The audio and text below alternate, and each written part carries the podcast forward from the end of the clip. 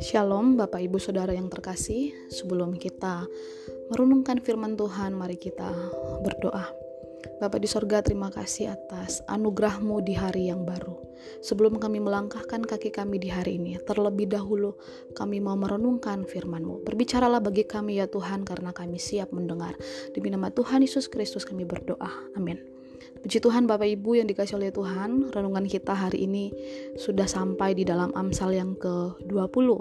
Dalam Amsal 20 ini terdiri dari 30 ayat dan Amsal 20 masih merupakan kumpulan Amsal-Amsal Salomo. Seperti yang sudah kita dengar dari pasal 1 sampai 19 di mana Salomo berbicara agar kita menjadi orang-orang yang berhikmat bukan menjadi orang bebal. Nah, harus diingat Bapak Ibu Saudara bahwa hikmat seseorang itu terlihat melalui perilakunya atau karakter hidupnya. Itu sebabnya Amsal yang ditulis oleh Raja Salomo adalah Amsal yang memperingatkan dan membicarakan tentang sikap, membicarakan tentang perangai, karakter dan hakikat manusia pada zamannya yang ternyata itu tidak berbeda dengan manusia abad 21 yaitu di masa kini. Nah, di dalam ayat 1 berkata, Anggur adalah pencemooh, minuman keras adalah pribut. Tidaklah bijak orang yang terhuyung-huyung karenanya. Bapak Ibu Saudara di sini kita melihat bahwa Salomo dengan jelas menegaskan bahwa jangan sampai manusia dikuasai oleh anggur atau minuman keras atau segala sesuatu yang memabukkan. Karena hal itu tidak hanya merugikan orang lain, melainkan juga merusak diri sendiri dan masa depannya. Dan peringatan ini sangat relevan sampai dengan kehidupan manusia zaman sekarang. Nah, jadi saudara-saudara, di sini Salomo tidak mendorong kita menjadi sempurna dengan melakukan A atau B atau C, melainkan menasihati kita bahwa perilaku yang kurang baik atau salah atau tidak berhikmat itu mendorong kita manusia pada keadaan rugi sendiri saudara-saudara. Nah, terlihat juga di dalam ayat 3 yang berkata, Terhormatlah seseorang jika ia menjauhi perbantahan, tetapi setiap orang bodoh membiarkan amarahnya meledak.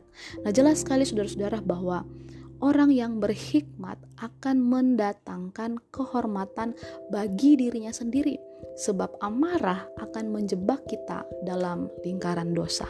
Nah, mari kita baca ayat 6 yang menjadi perenungan khusus bagi kita pada hari ini.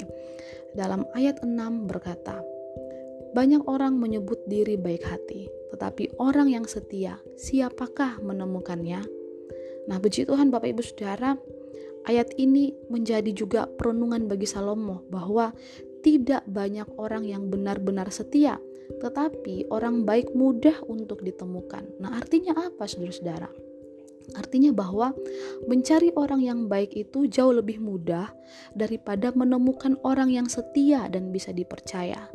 Siapa pun bisa berbuat baik, tetapi belum tentu setia orang baik itu belum tentu setia saudara-saudara. Nah, sesuatu uh, suatu saat teman kita yang baik tetapi di satu saat yang lain dia tidak akan setia menjadi teman kita. Nah, kita bisa melihat perbedaannya bahwa mungkin saat ini dia adalah teman baik kita, tetapi satu saat dia akan menjadi tidak setia menjadi teman kita.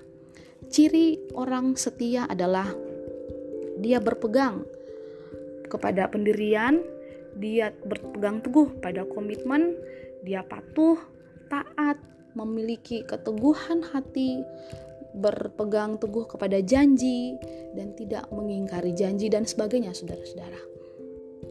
Dan yang menarik juga, saudara-saudara, bahwa kesetiaan itu mencakup perjuangan. Nah, oleh karena itu, kesetiaan menjadi bagian yang integral dalam hidup kita namun tidak semua orang selalu bersikap setia terhadap sesuatu hal. Ya, bisa jadi Bapak Ibu Saudara banyak alasan seseorang untuk setia dan banyak alasan juga seseorang menjadi tidak setia. Nah, itulah sebabnya dikatakan bahwa kesetiaan itu adalah sebuah perjuangan.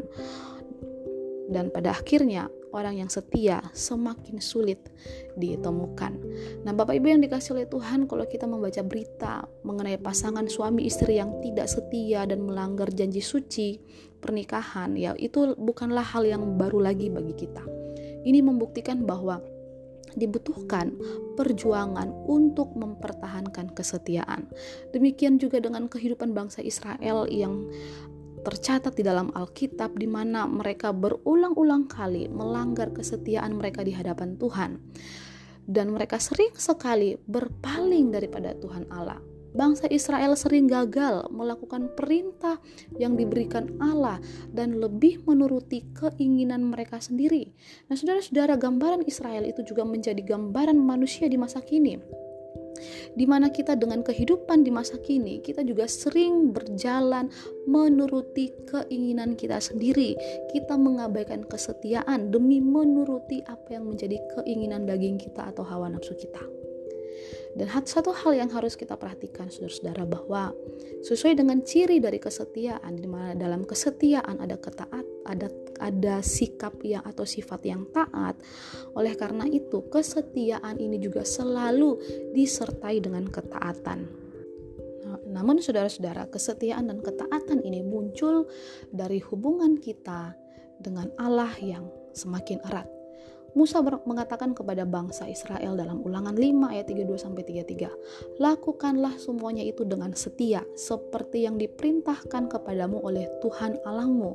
Segenap jalan yang diperintahkan kepadamu oleh Tuhan Allahmu haruslah kamu jalani." Kita lihat saudara-saudara ada kesetiaan dan ada ketaatan. Mari kita menjadi menyadari ya bahwa kualitas diri seseorang itu ditentukan dari kesetiaan dan ketaatannya yang dia miliki.